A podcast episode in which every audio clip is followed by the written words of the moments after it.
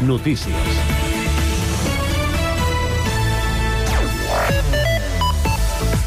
Bon dia. La Generalitat ha decretat l'entrada en preemergència als 202 municipis del sistema Ter Llobregat, entre ells Sant Cugat. La mesura, que afecta 6 milions de persones, entrarà en vigor aquest dimecres després que les mesures s'hagin publicat al Diari Oficial de la Generalitat aquest dimarts. El canvi de fase implica una reducció de la dotació màxima d'aigua per habitant i dia, que passarà dels 230 als 210 litres. La resta de restriccions es mantenen igual que en l'excepcionalitat, exceptuant la dotació d'aigua permesa per al rec de superfícies de gespa destinades a l'esport federat que passa de 450 a 200 metres cúbics per hectàrea al mes. Les veïnes i veïns de Mirasol han encetat el nou mandat del Consell de Barri de Mirasol amb la mirada posada a grans projectes que responen a reivindicacions històriques del barri. És el cas de les obres del complex aquàtic de Mirasol i la urbanització del pas de Sant Cugat a Rubí sota el pont de l'AP7, que segueixen el calendari previst. També la instal·lació de les pantalles acústiques a l'autopista que ha començat per la banda de Rubí. Com a novetat, s'ha anunciat la intenció de l'Ajuntament de minimitzar els riscos de la rotonda del pont de l'Avinguda de Montserrat Roig amb Pompeu Fabra. El termini per gastar els 100 euros del val escolar acaba aquest dijous. Les famílies que encara no ho hagin fet poden utilitzar encara aquesta campanya que ha impulsat la Generalitat amb l'objectiu d'ajudar els alumnes de primària amb la compra de material de l'inici de curs. El val es tradueix en dos xecs de 50 euros que es poden activar al web valescolar.cat amb l'identificador d'alumne i que es poden bescanviar als comerços adherits a la campanya. El caixer de CaixaBank de l'Avinguda de Cerdanyola, l'única que hi ha al barri de Sant Francesc, està sense servei des de dijous passat. El motiu és un tall en el subministre elèctric, ha confirmat l'entitat bancària a Cugat Mèdia. La intenció és reparar el caixer el més aviat possible, però per fer-ho cal entrar a l'antiga oficina, ocupada actualment per dues persones, segons CaixaBank. El banc, que ha posat denúncia per l'ocupació, està parlant amb els ocupants perquè abandonin l'espai de manera voluntària. I després de més de tres dècades il·luminant Sant Cugat, la botiga La Bombeta abaixarà la persiana aquest dijous. Ho farà just 33 anys després d'inaugurar-se, l'1 de desembre del 1990, perquè els responsables de l'establiment, Andreu Garrell i Pepi Elices, es jubilen. Cugat Mèdia, la informació de referència a Sant Cugat.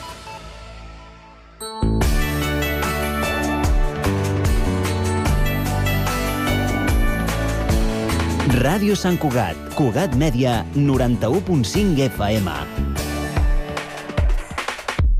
Hora Sant Cugat és un contenidor radiofònic de continguts santcugatencs.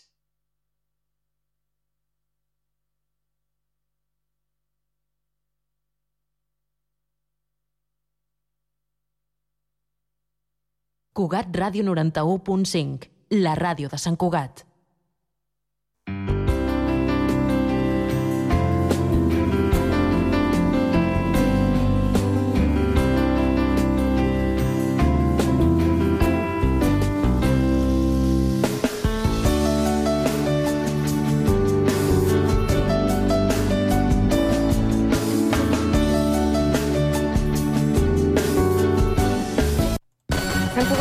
Des d'aquest mandat amb un comissionat per a les Ràdio persones Sant amb Cugat. discapacitat.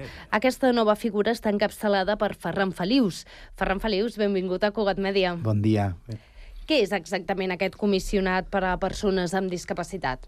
Bé, el comissionat és una, és una figura eh, que aquest govern ha, ha apostat doncs, per, per, per tenir-la dintre de, de l'equip de govern i, i inclús amb el cartipàs municipal, doncs per veure, per donar una visibilitat a les persones amb discapacitat, per donar una inclusió i, evidentment, per millorar la qualitat de vida, no?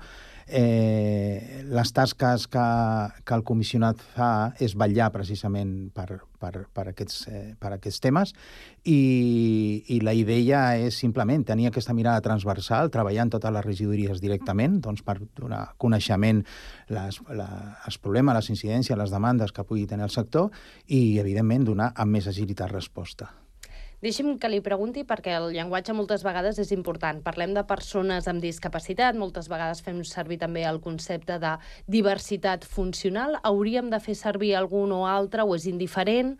Bé, durant, des de fa molts anys, vull dir, hem tingut eh, diferents termes, eh, la minusvalia, eh, termes que ara, ara, per exemple, es fan servir diversitat funcional, però és que diversitat funcional la tens tu, la tinc jo i la té tota la ciutadania, no? Per això diem diversitat i funcional. Tothom té una disfunció en algun moment de la, de la vida, no? El terme oficial és dis, persones amb discapacitat i, per tant, eh, hi ha discapacitat intel·lectual, hi ha discapacitat física, discapacitat visual. Per tant, no, no ens hem de preocupar Eh, sí que és cert que s'ha volgut guarnir possiblement amb altres capacitats o capacitats diferents, o, o, o el que dèiem, no? diversitat funcional, però que tots els termes tenen cabuda, eh, però realment el terme oficial o el terme que avui en dia està, està portat a terme des de, de, ja des de la Convenció cap aquí, doncs és la discapacitat. La discapacitat. Una de les primeres accions del comissionat ha estat la commemoració del Dia Internacional de les Persones amb Discapacitat. Hi ha una desena d'activitats programades a Sant mhm. Cugat. Amb quin objectiu? Bueno, pues, eh, bàsicament el que t'hi ha explicat fa una estoneta, no? Eh, és evident de que hem volgut tocar tots els, tots els temes, eh, la cultura, Sant... eh, els esports, eh, l'educació, eh, precisament, i, i després tota la diversitat a la plaça Octavià. O sigui, gairebé tenim una trentena d'entitats confirmades, on moltes entitats, i ho comentàvem eh, fa uns dies, eh, es podran conèixer, perquè hi ha moltes que no es coneixen i podran presentar els seus projectes. És l'única manera de, de, de fer aquest escaparat, no? que de cara a la ciutadania, de veure la feina que s'està fent, perquè és una feina que moltes vegades queda, queda oculta, no? I, i, i la meva idea és realment donar via, obrir aquestes finestres i que tothom pugui inclús entre entitats. Eh, hi ha moltes activitats eh, que han començat a sorgir i, i posava l'exemple de, per exemple, el rugby adaptat o el rugby inclusiu, eh, la gimnàstica artística que ha començat també, la UESC amb el bàsquet, la, la penya malgrana... Vull dir, hi ha una sèrie d'entitats de, que estan, fe, estan treballant amb les àrees socials, cada vegada hi ha més àrees socials i, i des de l'OU, des del comissionat, eh, he pogut tenir l'oportunitat de reunir-me ja des del 12 de juliol, que vaig començar la meva etapa eh, dintre el consistori eh, sense parar un minut i, i evidentment, amb una, amb una percepció molt positiva i amb una disponibilitat que, de fet, ha fet que aquesta, aquesta setmana sigui, sigui així. Inclús vosaltres eh, haig d'estar agraït doncs, perquè, perquè heu participat amb el tema de la projecció de la pel·lícula Campeonex. Vull dir que eh, he estat veient de que hi ha força, força participació de famílies i persones, o sigui que el dia, el dia 2, el dissabte dia 2 ens veurem tots allà, i, i per tant aquesta és l'idea, vull dir, la inclusió i, i millorar la, la qualitat de la de vida de les persones i de les seves famílies. No és la primera vegada que la ciutat commemora aquest dia, però sí és mm. veritat que ha agafat una envergadura que no havia tingut en edicions anteriors, no només per activitats, sinó també per participació sí. d'entitats. Sí. Havia estat una mica invisibilitzat aquest col·lectiu a la ciutat fins ara? Doncs eh, anem a veure, no, no diria invisibilitzar, vull dir, es treballa molt bé a les entitats, eh, s'ha treballat molt bé, els tècnics eh, que han participat amb, amb, aquesta, amb aquesta setmana eh, però és que sempre s'ha tingut aquest, aquesta por, no?, a, a dir, sortim, sortim, a, sortim al carrer, no, no passa res. Sí, jo soc una persona bastant exigent a mi mateix i, i, i realment aquesta setmana és molt xula, però quan reflexiono diria, ui, no m'agrada com acaba de quedar això i l'altre, i per això quan, quan deien, bueno, és que això aquesta setmana i uns altres anys, dic, bueno, sempre més i millor, no?, dintre de tots els recursos. Eh, sí, és cert. Vull dir, hem de, hem de, donar, hem de donar veu a les persones. Eh, de fet, el dia 3 de desembre eh, serà el dia on, on les persones llegiran el manifest, eh, les persones participaran, eh, tenim un show cooking preparat eh, doncs, perquè facin d'ajudants de, de, de cuiner amb un xef de, de l'alo gastronòmica, que també s'ha volcat. És més, eh, aquest, aquesta iniciativa que vaig proposar a l'aula gastronòmica als centres culturals precisament eh, dona com a, com a conseqüència que el mes de gener surtin eh, cursos eh, dintre de la programació de cursos i tallers que, que, que treu eh, l'Ajuntament doncs per famílies, eh, són tallers familiars per persones amb discapacitat, no? o poden ser des de famílies amb TEA, que puguin gaudir de lo que és eh, una cuina saludable, que, que jo sempre dic, no? eh, les verdures, la verdura és cultura, no? sempre dèiem, no? Eh, i, i, bueno, i obrir molt, no? Obrir el meló de la xerrada aquesta que tenim de famílies, no? De famílies precisament que, que tenen algun fill o filla que està compartint a l'aula una persona especial, no? una persona amb discapacitat, i que moltes vegades aquestes famílies se senten eh, amb el desconeixement, eh, volem que es, sensibilitzin mm, tant amb la família com amb la persona i que sàpiguen que hi ha una dificultat i, i, i sabent que el, que el nen o nena molesta a l'aula eh, moltes vegades, però bueno, eh, vull dir, el sent de, el sent d'incloure dintre d'aquesta societat i d'aquesta... I per tant serà molt interessant aquesta xerrada. Mm, dos debats televisius a Sant Cugat Televisió, eh, un precisament que tracta de l'envelliment i discapacitat i l'altre ha sigut un top en quant a parlar per fi del TEA, de lo que és el trastorn de l'espectre autista, no? Eh, jo penso que hem comptat amb la millor, amb la Maier Bas, que és la que porta la unitat hospitalària de Mutua Terrassa, amb, amb una persona del seu equip que, que ens amen molt i des de fa molts anys, amb, amb una família, i, i jo mateix que vaig participar, i, i és això, donar, donar a la ciutadania a conèixer molt més encara. I el que deies, S'havia fet, sí, s'havia fet, però possiblement amb aquesta... Vull dir, un dia es reunien tots, eh, ens, ens explicaven les coses, les persones tenen les seves demandes i, i, i el que sí que hem de fer és donar resposta a les seves demandes i no deixar-les en un calaix i tal. Doncs aquesta setmana serà molt xula i, i esperem que la ciutadania doncs, eh, a la plaça Octavia el dia 3 eh, pugui venir. A més, tindrem la Fireta de Nadal, la Fireta d'Artesans, o sigui, serà un dia gran i, i esperem que sigui un dia, un dia especial una part més del dia a dia de la ciutat, no? Sí. Toquen fires nadalenques, doncs es comparteix espai no? Sí. i activitats amb, amb altres col·lectius. Perquè li volia preguntar, Sant Cugat és una ciutat accessible per a persones amb discapacitat? Sant Cugat és una ciutat accessible, però ha de ser més accessible. Vull dir, ha de ser més accessible als carrers, ha de ser més accessible al comerç, ha de ser més accessible en, en molts jocs, no? que, que precisament eh, fan falta. Eh, per exemple, eh, eh estàvem mirant no? i dèiem, a veure, eh, reclamava a les persones amb discapacitat física doncs, que hi havia carrers que no, que no es pot passar amb una cadira de rodes, doncs perquè eh, enmig del carrer hi ha un pal de la llum, hi ha una, un arbre que està amb, amb les arrels eh, aixecades i per tant no. no? Vull dir, bueno, doncs s'ha de pensar eh, no alternatives, sinó, sinó possibilitats. O sigui, aquí tenim un ventall de, de carrils bici eh, molt gran. Vull dir, tenim molts quilòmetres de carril bici que passen per les arteries principals de la ciutat, no?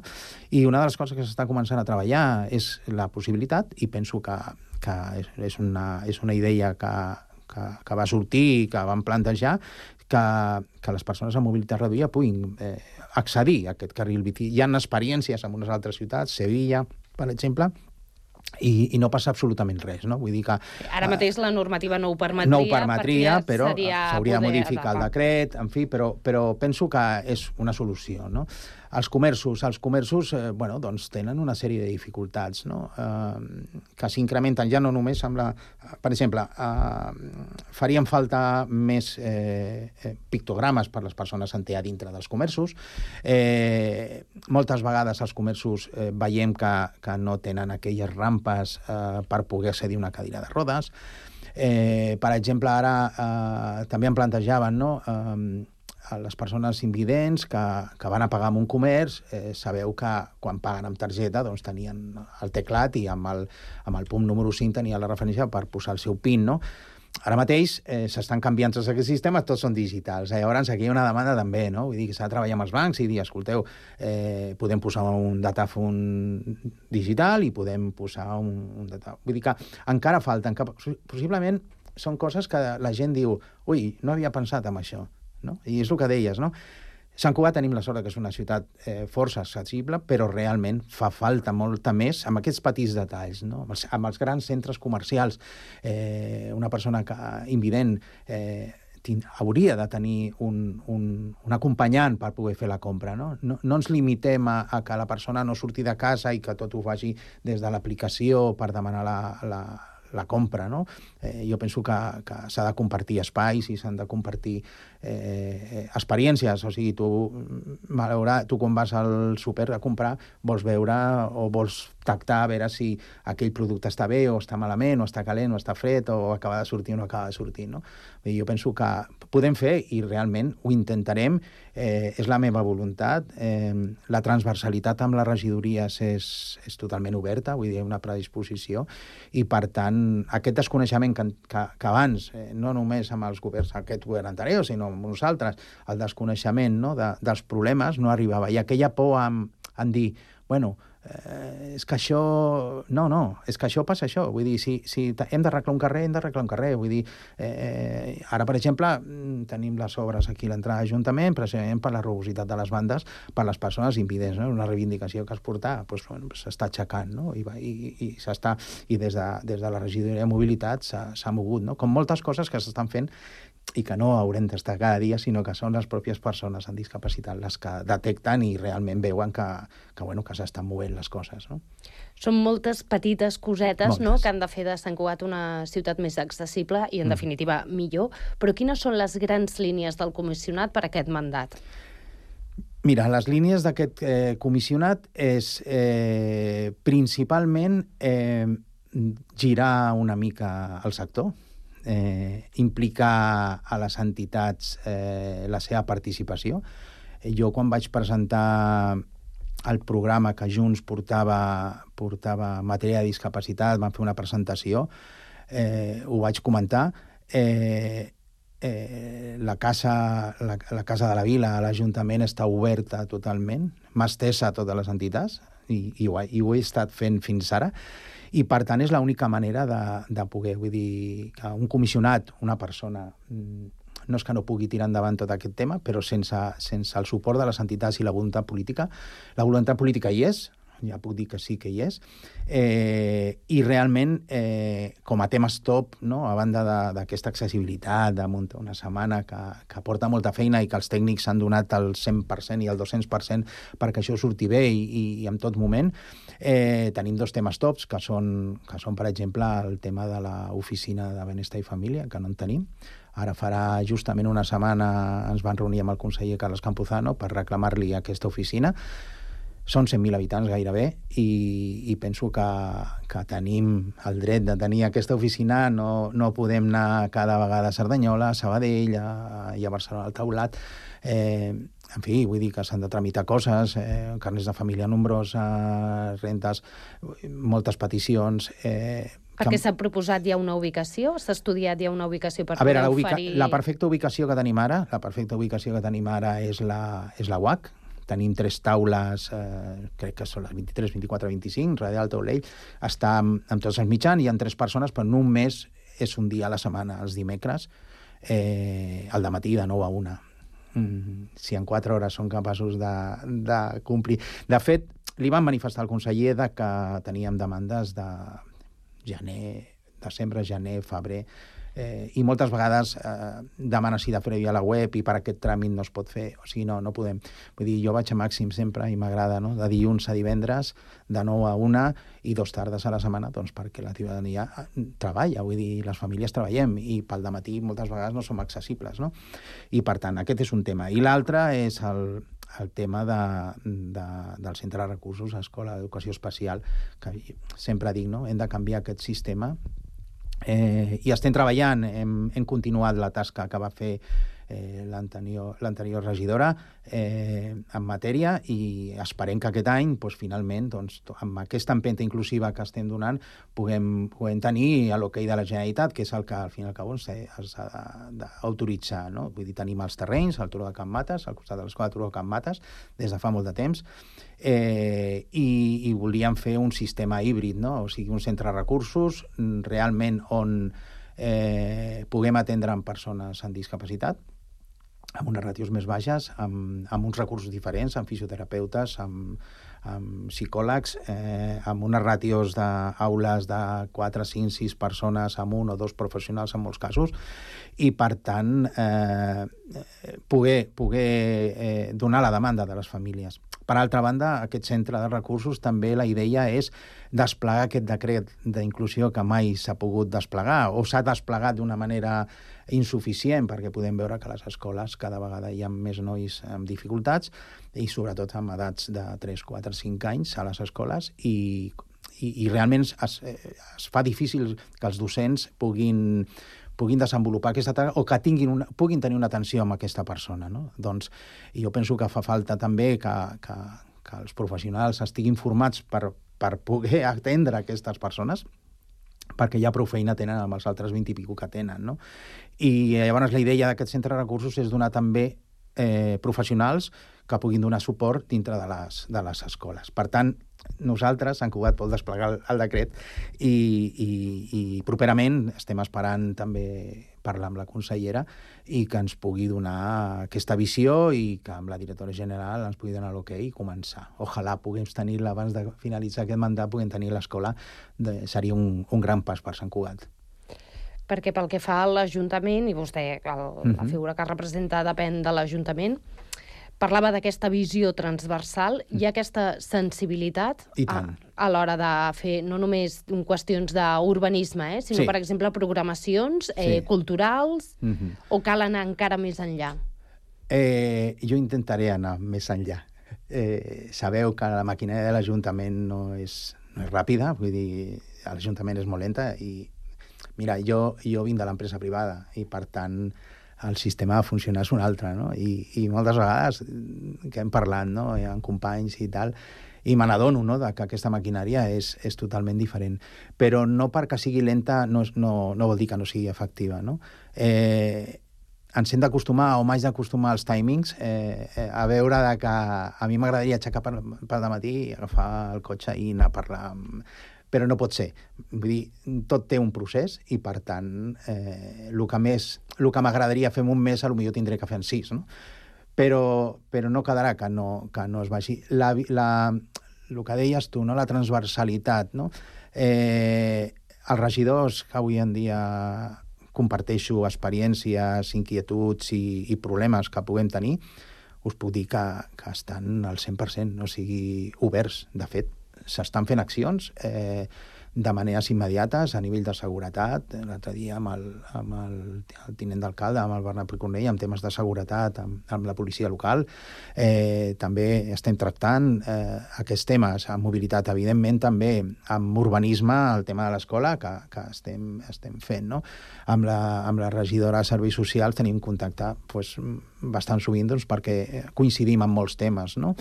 I per tant, eh, doncs sí, vull dir, tots hem d'aprendre de tot, jo he d'aprendre una mica a, tot aquell funcionament que deies, però moltes vegades la meva aportació en quant a temes de discapacitat eh, també és interessant pels regidors que moltes vegades doncs, desconeixen aquests temes, no? I penso que el fil directe és imprescindible. I predisposició, voluntat política n'hi ha. Ara, hem d'anar, com deia jo, no? poc a poc. Per què creu que l'alcalde l'ha triat a vostè per fer de comissionat de les persones amb discapacitat? Mm, a veure, és una pregunta que m'ho han fet moltes vegades i, i, i no, no, no és allò de dir és que l'alcalde m'ha triat, eh, sinó que bueno, això ve de, de més enrere, no? Eh, possiblement fa un any o any i pico, no? Quan suposo que l'alcalde, Josep Maria Vallès, va decidir ser alcalde, no? I, i clar, a partir d'aquí, les persones que estem bueno, en diferents sectors, doncs, cops les opinions i tal, i vaig dir, ostres, eh, doncs no ho sé, bé, no? Vull dir que ja saps on et fiques, no? Eh, jo penso que és una, una persona molt, molt implicada, i, i ja no és que hagi apostat per la meva persona, sinó que ha apostat per això, per, aquest, per aquesta figura. Eh, sí que és cert que em vaig, jo em vaig creuar amb el seu camí, hem, hem estat parlant, jo, jo li vaig donar moltíssimes idees per fer i, de fet, aquest comissionat ja es va proposar a, a, les, últimes, a les anteriors eleccions, al 2015, quan es presentava la... Perdó, amb l'any 2019. 19. 19. Eh, quan es presentava la Carmela Fortuny com a, com a, com a alcaldessa i ja amb el programa electoral eh, que també aprofito per dir que tant en aquella època com ara vaig tenir bastant de culpa de que es fes en lectura fàcil, vull dir que van ser junts els que van proposar el, el programa Lectura Fàcil, ja es va proposar aquest comissionat. El que passa que, bueno, doncs, no, va, no va sorgir doncs, perquè, perquè la situació política va ser una altra, i aquesta vegada eh, jo vaig fer una proposta, però no més lluny de que jo pogués entrar en aquesta història, i quan m'ho va proposar va dir, escolta, i què et semblaria portar al comissionat? Dic, ostres, m'estàs donant una responsabilitat molt gran. Estic a gust, estic fent la feina que m'agrada, i, i penso que, que, bueno, que, que amb, amb paciència i una canya, no? com dient, podrem anar fent. Em fa il·lusió, em fa il·lusió per Sant Cugat, que és la ciutat on vic, tinc dos fills amb discapacitat, ja t'ho dic tot, i per tant, per ells i per les famílies que, que tinc al meu entorn, doncs eh, jo crec que tinc un deute, no? un deute que entre tots ho podrem, ho podrem tirar endavant. I d'aquí quatre anys, què li agradaria haver aconseguit? D'aquí quatre anys, doncs tot el que t'he dit. Eh, primer, més normalització, més inclusió, més, eh, ac més, més accessibilitat i ojalà tinguéssim una escola i, i, i, una, i una oficina que crec que... Jo crec que sí, que l'oficina no trigarem tant a lo millor perquè l'oficina vindrà i, i bueno, complir el que el programa electoral posava. Vull dir, jo crec que, que avui hem estat parlant de lo que realment vaig explicar en el seu dia, que m'agradaria fer moltes més coses, i tant que m'agradaria fer moltes més coses, però, però com he dit, pas a pas, eh, si donem aquesta normalització a la ciutat, vull dir que quan entri una persona amb discapacitat dintre d'un comerç no sigui una persona estranya, vull dir que el, que el comerciant eh, vegi, els vegi amb bons ulls, vull dir que, que són persones eh, que millor una persona amb discapacitat intel·lectual entra en un comerç i pot tocar tres pots o pot trucar els plàtans que estan de fruita i moltes vegades les reaccions són complicades, no? I, i, i bueno, intentarem sensibilitzar tot el comerç de Sant Cugat amb, amb això, no? I les entitats, eh, evidentment, són les, les que ara mateix estan ajudant molt a, a, doncs, a visualitzar tota aquesta, aquesta història, no? I és una història bonica que comença ara i que quan acabi dintre de quatre anys ens tornem a veure, o, o abans ens tornem a veure, no? I però, que anirem, anirem seguint. I, I tant, però ojalà ens tornem a veure i ens podem tornar a veure i podrem fer un balanç, no? Perquè jo sempre m'agrada que quan acaben les legislatures, i que jo no vinc del món de la política, malgrat que he fet política des de l'altra des de l'altra banda, no? Eh, m'agrada al final de dir el que vaig dir que faria i fet i no el que no he fet. No dir el que faré, sinó el que realment en quatre anys he fet, no? I tinc la il·lusió i tinc l'esperança de, com a mínim, pues, alguna cosa que segur que sortirà. Doncs, com deia, des de Cugat Mèdia ho anirem seguint, veient com avança mm -hmm. tots aquests projectes que ara ens comentava. Mm -hmm. Ferran Feliu, comissionat per les persones amb discapacitat, moltíssimes gràcies per acompanyar-nos. A vosaltres per convidar-me i endavant. Ràdio Sant Cugat, Cugat Mèdia, www.cugat.cat. ¿Preparados? Sí. ¿Listos? Cugat Mèdia participa en els actes del Dia Mundial de les Persones amb Discapacitat i et convida a la projecció de Campeonex, de Javier Fesser. Soy la nueva entrenadora y estoy reuniendo al equipo de los amigos. Y qué bueno volar, qué bueno soñar. El dissabte 2 de desembre al migdia, al Cinema Sant Cugat, amb una sessió en què els nivells de llum i so estaran adaptats a tots els col·lectius. Per aconseguir les invitacions, només has d'entrar a www.cugat.cat i enviar un formulari. Si voy a saber hacer esto, entrenadora. Cugat Mèdia. Som especials. Com tothom. A mí esto me parece un peligro. ¡Bingo! La música descriu el territori. La paraula descriu la música. Música i paraula. Paraula i territori.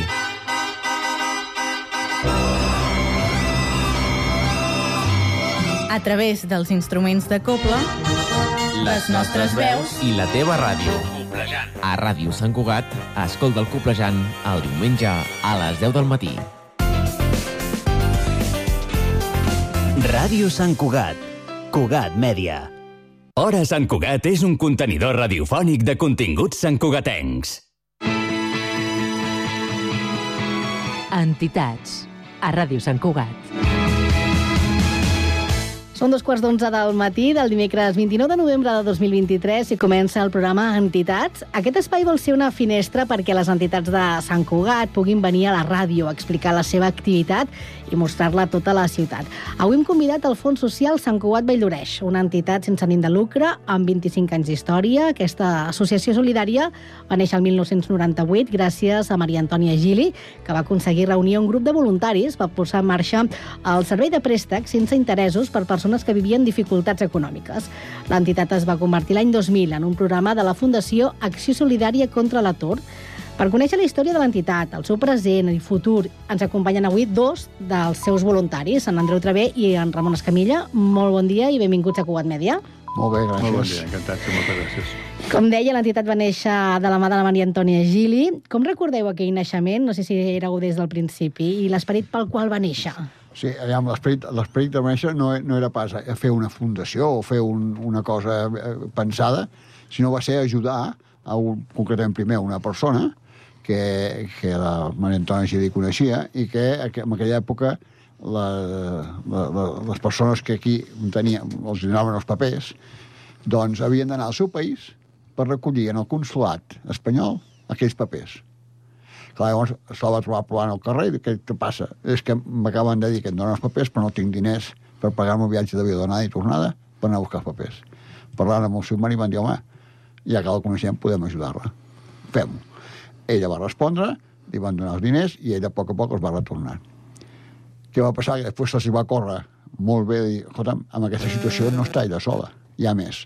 Va ser com, com deia com deies tu, van, van eh, pagar uns voluntaris, uns amics d'ells, escolta'm, tu hem de fer un petit fons per tal de que puguem donar. I si ells en retornen, aquest fons pot ser autosuficient. Tu dones i retornen, tu dones i retornen. I d'aquesta manera va, va començar. L'any 2002 va ser quan eh, ja, ja dir diners i el fet de tenir una activitat que és econòmica, eh, ja necessites una un cert eh, doncs, aixopluc jurídic, no? I llavors van, van tenir la idea d'anar a ASCA, Acció Solidària contra l'Atur, que feia el mateix. Donava préstecs sense interès des de feia més anys, des de l'any 80, però destinats a que la gent sortís de l'atur. A l'autoocupació, a cooperatives, etc. A ells els va agradar la idea de dir, mira, eh, estem fent el mateix, aviam, doncs podeu, podeu estar dintre de nosaltres, vosaltres esteu fent un altre tipus d'ajuda, que és ajuda perquè no caiguin amb la beneficència social, sinó que puguin afrontar aquestes, aquestes despeses. I així es va ser, en principi, el naixement. Però tot això neix de, de, de voluntaris, de, de valldoreixencs, de veïns, sí, sí. de la vostra bona voluntat. Sí, sí, uh, va ser així. En la meva incorporació al, al fons va ser en el 2002, precisament, quan ja van començar a fer el tractes amb, amb Acció Solidària, més allà per ajudar, allà ja, ja era un cert volumen per, per organitzar fitxes de socis, donants, eh, seguiment dels, dels préstecs, i bueno, tota aquesta part més, més administrativa és la que em van encarregar i bueno, des d'aquella època estic jo encara en el fons social. I com ha evolucionat eh, l'entitat en aquests 25 anys, que a més, eh, després si parlem, eh, celebreu aquest divendres, dia 1 de desembre. Com, com, com evoluciona tot plegat? Bueno, evoluciona, primera, perquè les necessitats segueixen existint. I llavors, d'alguna manera, el que fem és que ens anem trobant amb tota una sèrie de gent que té feina, que treballa, però que no té la capacitat de fer estalvis quan té uns, eh, una despesa puntual important, com pot ser pagar la matrícula universitària dels seus fills, pagar despeses de malaltia al país d'origen de, de familiars seus, fer que vinguin alguns fills cap aquí, o inclús ara en aquests moments, vull dir, que, que s'arreglin la boca, no? que uh -huh. tots sabem el que en un moment determinat ens costa, i no tenen aquesta capacitat d'estalvi. De, Llavors, així, simplement, el que fem, els, els tractem eh, com els tracta amb un banc, és a dir, els hi demanem el que guanyen, les despeses que tenen, si tenen capacitat de retornar aquest interès, però mm, sent solidaris, no, no carregant com, com tracta. O sigui, els bancs, eh, jo diria que apliquen una mica el teorema de Mateu, no? El que té més diners se li donaran més, i els que tenen pocs, inclús aquells pocs que tenen, se'ls hi trauran. Pues nosaltres no fem això, vull dir, el que fem repartim a la gent que té unes eh, quantitats relativament escases i eh, fem que puguin continuar amb la seva vida. I, clar, vostès no fan negoci, és a dir, com sí que ho fan els bancs, eh, és una qüestió absolutament solidària. És la base... Com, què passaria si el món funcionés així sempre, amb solidaritat? Si tothom funcionés així, ah, seria un món fantàstic. No, eh, la veritat és que sí, sí. I a més te n'adones que aquesta gent que estàs, eh, estàs donant la mà i estàs acompanyant amb aquest procés de, bueno, que, aquestes dificultats, eh, bàsicament, bàsicament, són honrats. És a dir, fan mans i mànigues per complir aquell compromís de eh, retornar els diners. I llavors com funciona? Qui es pot adreçar a vosaltres? Ara parlàveu de diferent tipus d'ajudes per arreglar la boca, per anar a un país a buscar uns papers, um, per portar una altra persona aquí. Um, però llavors tothom es pot adreçar ara mateix? En, sí. en principi es pot adreçar a nosaltres qualsevol persona que estigui censada aquí a Sant Cugat, uh -huh. eh, que tingui feina, és a dir, que tingui en un moment determinat un, un, un remanent que pugui retornar un, un préstec i eh, llavors pot venir a veure'ns a Sant Cugat. Ah. I com es desenvolupa l'ajuda llavors? Eh, demana, hi ha un tope, un topall de dir, mira, doncs es pot demanar fins a 10.000 euros, o no, o quin és els, eh, les, eh, com sí. el pacte que es fa, com funciona uh, tot plegat, perquè diu, segons se sent... Sí, són, són microcrèdits, és a dir, que preferim, en tot cas, de que ells, eh, si tenen una necessitat doncs, eh, que és recurrent, de que eh, ho facin a base de demanar diversos préstecs un darrere l'altre. De tal manera que el préstec promig que estem donant, de, de aquests 25 anys, és de 1.335 euros. Hi ha gent del 2.500, però hi ha gent també de 500 o 800 euros. I el, el, el topall és... Bueno, si topall intentem que quan vingui la primera vegada, que no es coneixen, que nosaltres no el coneixem, no sabem una mica com es desenvolupa, doncs, eh, per no caure precisament amb el que deies tu. És a dir, què passa si la gent no retorna? Clar, llavors, evidentment, si volem que això continuï anys, o sigui, aquests 25 anys, per nosaltres, ha estat l'èxit de la responsabilitat i de la solidaritat de les persones que han rebut. Perquè nosaltres no tenim despeses, en principi ja tenim alguna despesa administrativa, però el que hem de fer fora és dir, si aquesta gent no retorna, eh, tanquem la persiana. Clar. Per tant, aquests 25 anys es deuen a, a, la, a la uh, honradesa i solidaritat d'aquesta gent. Per tant, entenc que es pot repetir com a persona demandant de l'ajuda i, en, i no sé si teniu molts perfils que uh, van repetint. Uh, mira, jo el que puc donar-te, uh, uh, miraré, és... Han vingut preparats amb les dades. Sí, no, és, és, és, és, és dir-te... No, mentre, uh, mentre ho busca, la, sí. nosaltres hem arribat a assolir entre, entre persones que ens han, deix, que, que ens han donat unes quantitats de l'ordre d'uns 400.000 euros. En aquests 25, amb aquests 25 anys. anys. eh? I hem, amb crèdits hem aconseguit, hem concedit ja 4.200.000. És a dir, qualsevol euro que ens deixen ha servit 10 vegades a persones diferents a que pugui resoldre una part de la seva. Perquè no només uh, s'ajuda amb els diners dels socis, sinó que es busquen accions uh, per rebre també vostès, uh, perquè el fons tingui més fons, no? Per exemple, el sopar del Rotary d'aquest any sí, passat va ser, no? Sí. Va, es va recaptar diners pel fons sí, social. Sí, sí ha estat, a, a mesura que tens més tresoreria, d'alguna manera, uh -huh. més fons, pots ajudar més de cop a personal. Això va anar molt bé als anys 2007-2008, que va haver-hi una llau important de, de gent, ha anat, a, a, i ara està anant bé perquè, eh, a veure, la dada que, que deies sí. abans, és a dir, el promís que hi ha de tot és 2,41 préstecs per beneficiari. Hi ha, hi ha bastants que en fan solament un, però tenim persones que n'han fet 23. És a dir, que cada any, hi ha el cas d'una senyora, que ara se m'ocorre aquesta, de que ha pogut pagar les matrícules universitàries a tota la carrera als seus tres fills. I per tant, i per tant doncs, eh, bueno, eh, ella està superagraïda perquè ha anat a poc a poc, però ha anat fent, ha anat fent. Per tant, ara, promig és això, dos, dos i mig, i en total, quantes persones han el, arribat al fons el, el total, social? El total de beneficiaris en tot això ha estat 1.300 persones. 1.300. I la quantitat, la quantitat doncs, de, de, de, de préstecs han estat de 3.134. Eh? O sigui, són 1.000 i pico de persones, però 3.000 préstecs, perquè hi ha dos i pico per cada persona. I ara parlava vostè, no?, de l'any 2007-2008, que també va haver una forta crisi. No sé sí. si són els anys que recorden vostès com a, a sí. els que de més demanda, o, sí, sí, o va. després ha anat això més a la no, baixa, uh, o no? Va, va haver un creixement que es va, es va, va, es va mantenir fins just abans de la pandèmia.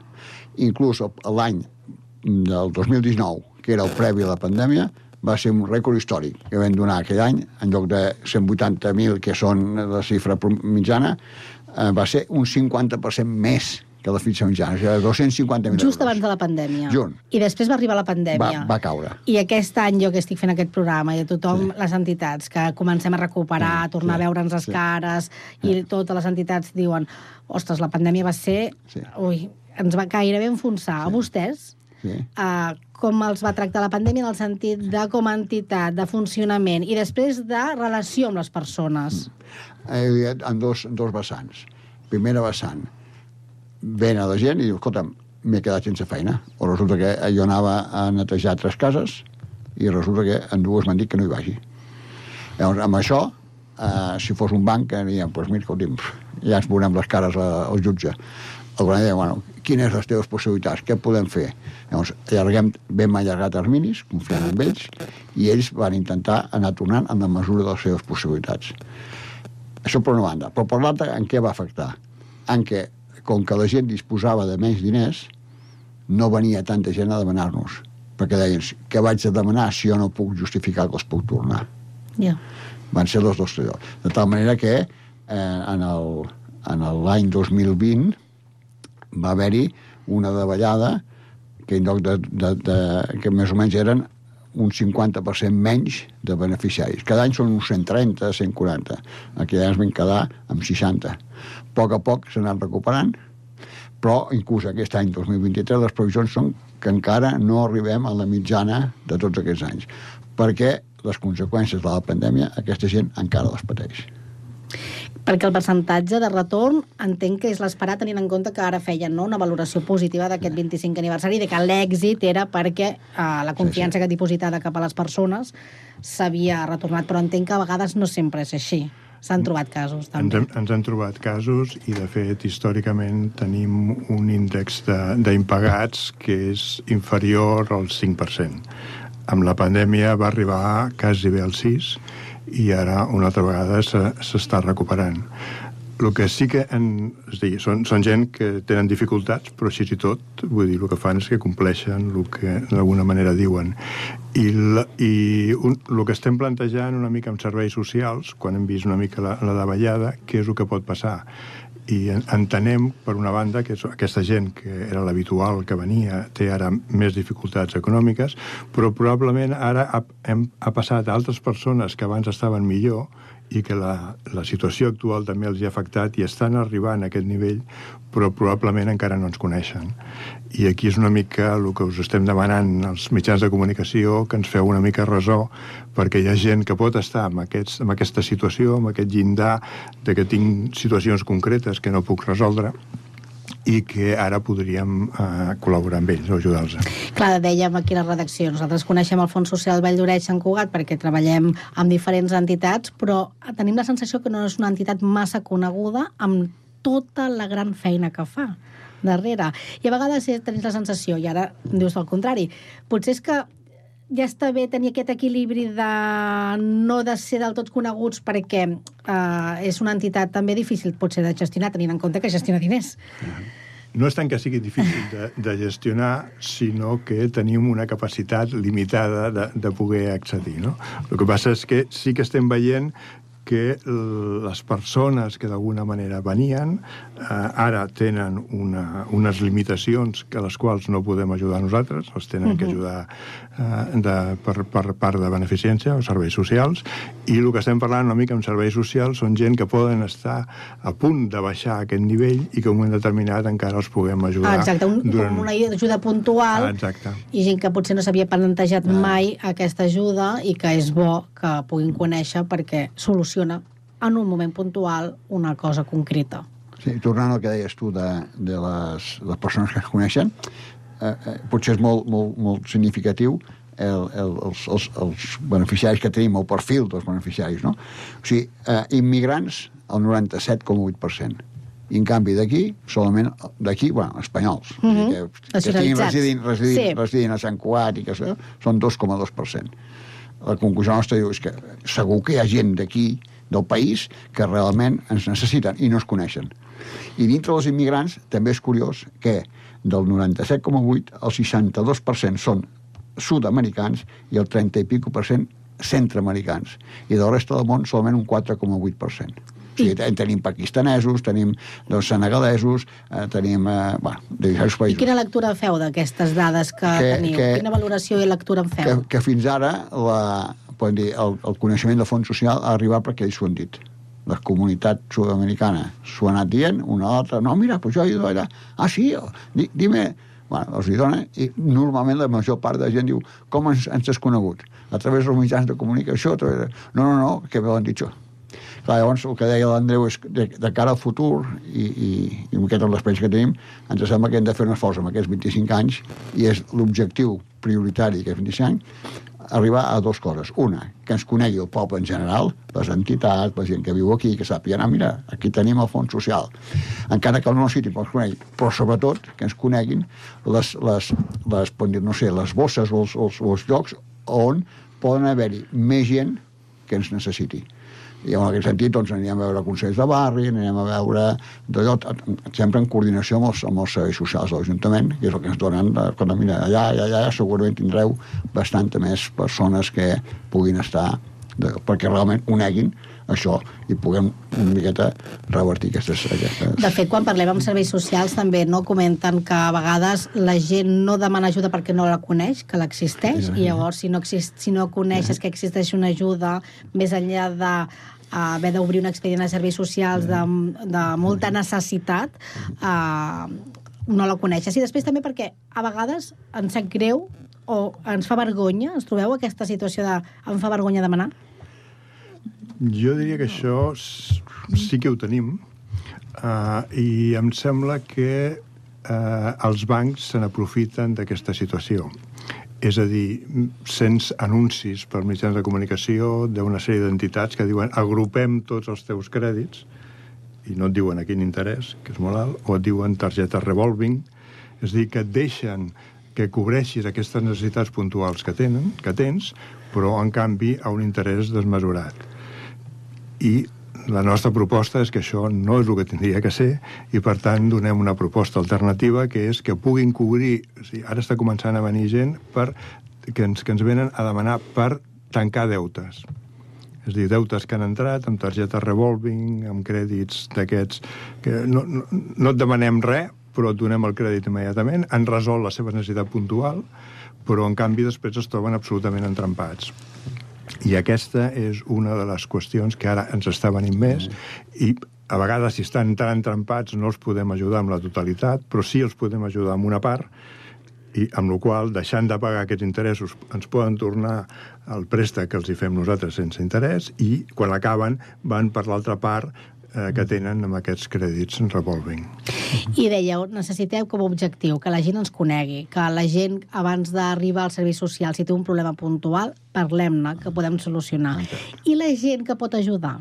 També l'acolliu, aquelles persones que si tinguin la capacitat econòmica de, de formar part de l'Alfons Social. O sigui, no- nosaltres el que no, el que no hem fet fins ara, i, dir, hem- hem ajustat. O sigui, la idea és aquella que això sigui un, un, un fons que, encara que hi hagi uns certs incobrats i d'això encara aquest 5%, que realment es mantingui amb la seva estructura.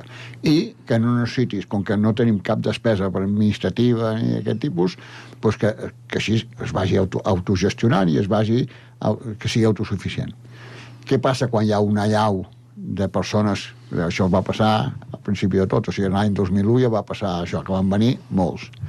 I aleshores dius, eh, és quan la Maria Antònia, escolta tu, que necessito més d'això. Llavors nosaltres no hem fet una, una campanya de dir, "Oh, necessitem més... Sí, sí que és veritat que en un moment determinat, com ara amb el Rotary Club teníem una tresoreria bastant ja fixa, llavors amb aquests euros que ens van donar, d'alguna manera respirem més. Sobretot perquè més, era durant la pandèmia. En la pandèmia eh, bueno, ja, ja va, va haver-hi també més dilació amb els retorns i això, evidentment, va, va doncs, provocar que les, les, les, la tresoreria també fos més petita. I llavors l'altra cosa que volia comentar en el que deia l'Andreu, Mm. eh, al principi de tot, quan la gent va començar a venir aquí, en els principis anys 2000, 2001, 2002, venien pagant-se el seu viatge d'anada i tornada perquè havien de, de venir de turistes no, no, no admetien, o sigui que, per tant, tenien bitllet d'anada i tornada i ho feien a, a, a, fent deutes en el seu país. Que els hi cobraven en aquella època un 15% mensual d'interessos. És a dir, que en sis mesos tornaven amb interessos tot el capital que els havien donat. Venir aquí i trobar unes persones que i els donaven, i dius, no, no, sense interès, i que en sis mesos podien tornar ja, i Bé, això, amb el que deia l'Andreu del, del que passa ara, ve passar una mica igual. Però no són deutes en el seu país, són deutes aquí per provocar per, per aquestes persones que s'aprofiten del, d'aquesta gent. De les persones, sí, sí. Persones ah. aprofitant-nos de persones. Exacte, ja, és, sí, sí. I, és el món sí, que ens ha tocat. I ara, i ara els deutes que abans s'havien baixat... Ara, cada, cada setmana rebo el meu mòbil alguna cita alguna oferta d'algun banc d'ajuntar totes les deutes sí, sí. i que, que paguin ells. Sí, sí. I quan, dieu, quan no podeu dir que sí, que heu de dir que no, podeu ajudar algú, les doneu alternatives també, perquè les n'hi ha, no? Evidentment, sí, amb, eh, nosaltres, hi ha, hi ha una dada que, que val la pena dir-la, gairebé el 40% de la gent no té papers. Eh? És a dir, hi ha gent amb papers i regularitzats, però hi ha gent doncs, amb que està treballant amb l'economia submergida. Per tant, ens, ens limitem a preguntar on treballes? Bueno, veure, què, què fas? Però mira, treballo en aquesta casa, amb aquesta, ens posa el telèfon, es posa... O sigui, una miqueta dir que nosaltres eh, confiem en tu, però volem tenir les referències per, per si cas passa alguna cosa. I aleshores, fan, llavors, eh, si, si, si la gent, dir, aquesta gent, doncs, eh, veuen que tu hi fas confiança, immediatament s'obren i fan tota la, la seva confiança, és el que deia abans, no? que queden eh, amb, amb, amb, amb, amb voluntat de, de tornar-ho. I els hi diem una cosa, que ells també valoren molt. Tu, quan reps un préstec, sigui quin sigui, d'un amic, d'un banc, no sé, agafes el compromís de retornar-ho, amb les condicions que et posin, molt bé. Però en aquest cas vostre, a més, si no el retorneu, heu de ser conscients que esteu perjudicant a la gent que està esperant rebre un préstec que si vosaltres no torneu, potser us hi hem de dir que, que encara no hi podem donar o que no hi podem donar. Per tant, vosaltres teniu dues coses. La responsabilitat en qualsevol préstec i el fet de ser solidaris amb els vostres companys que estan en la mateixa situació que vosaltres i que estan esperant que nosaltres hi podem donar crèdits. I aquest divendres celebreu el 25 aniversari. 25 anys, sí. 25 anys, feu una trobada a la Casa Cultura. Què, què, què, què veurem el divendres a la tarda? Em sembla que és a les 7, no? Sí, a les 7. És a les 7 de la tarda, ho hem fet una mica, perquè primer hi hagi l'encesa de llums i després, ah, sí, i després sí, comencem, sí, a les 6. després comencem nosaltres. De fet, el que fem és un petit acte, de, primer, de reconeixement als voluntaris que ho van engegar, els, els hem convidat a tots i que estiguin allà i que els puguem donar les gràcies perquè ho van començar. Expliquem una mica on estem i cap a on creiem que podem anar i després hi haurà una actuació musical d'un grup santcugatenc, Ukelele, mm -hmm. i després farem una copa, una copa de cava. És una trobada de, de beneficiaris, voluntaris... Ah, val la pena, val la pena dir que aquestes despeses, que bueno, són, són poques, però hi són despeses, eh, ja, el, el grup el Tuquemuque, el grup Tuquemuque, aquest ho fan gratuïtament, Uh mhm. -huh. i eh, tant la pastisseria Sàbat com a les caves Reventós ens han donat el cava i la coca per poder compartir. És a dir, eh, sí, perquè ens sap greu de dir fem una festa. Dius, home, però els diners que donen els socis, els diners que donen les fundacions per mantenir aquest, aquest fons de tesoreria, no està pensat per fer festes. Uh -huh. eh, però sí que és el motiu de, de, de unir. Aquesta vegada tenim molta il·lusió amb unir tots els voluntaris que ja no treballen en el fons social, que, que, no, que no donen el seu temps fons social, alguns d'ells inclús s'han tras, traspassat, i han convidat a les seves parelles a que vinguin per reunir tota la gent que des del principi ha estat funcionant amb això i agrair-los sobretot que eh, els, els que són antics han, van posar els fonaments d'això que som ara.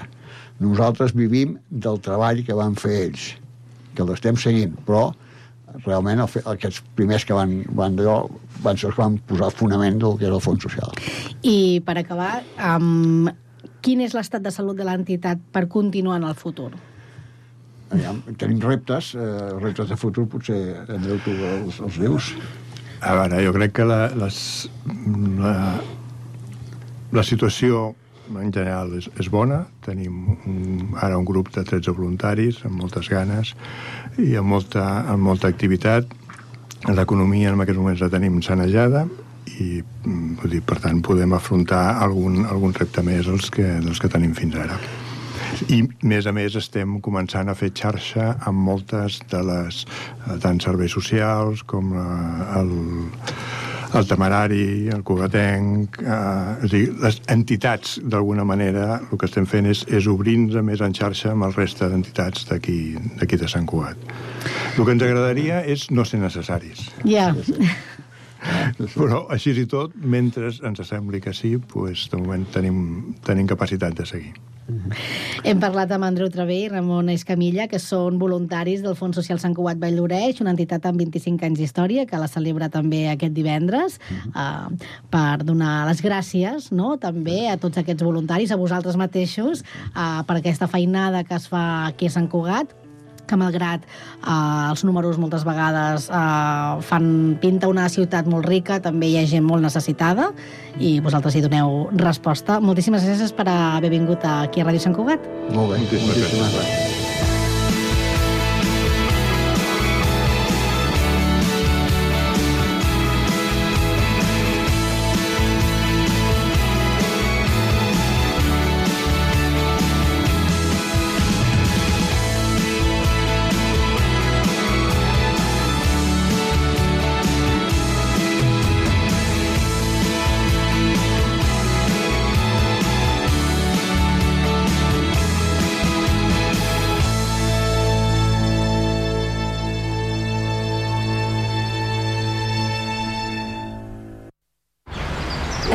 Pensant en posar plaques solars a casa teva? Doncs passa't a l'energia solar de manera fàcil i segura amb la teulada, experts en energia solar i el nou espai d'assessorament per a la ciutadania i les empreses. Informa't a la teulada arroba amb.cat o contacta'ns per WhatsApp al 645 725 465. La teulada és un servei de l'AMB finançat amb el Fons Europeu de Desenvolupament Regional. AMB, Metròpolis de Barcelona. Connectats. Una experiència radiofònica a Sabadell. Ràdio Sabadell, 94.6. Terrassa. Ràdio Municipal de Terrassa, 95.2. Sant Cugat. Ràdio Sant Cugat, 91.5. El Prat. El Prat Ràdio, 91.6. Castellà. Ràdio Castellà, 90.1. I Badalona. Ràdio Ciutat de Badalona, 94.4. Cada tarda de 4 a 6, connectats. Ràdio Sant Cugat. 91.5 FM. Hora Sant Cugat és un contenidor radiofònic de continguts santcugatencs.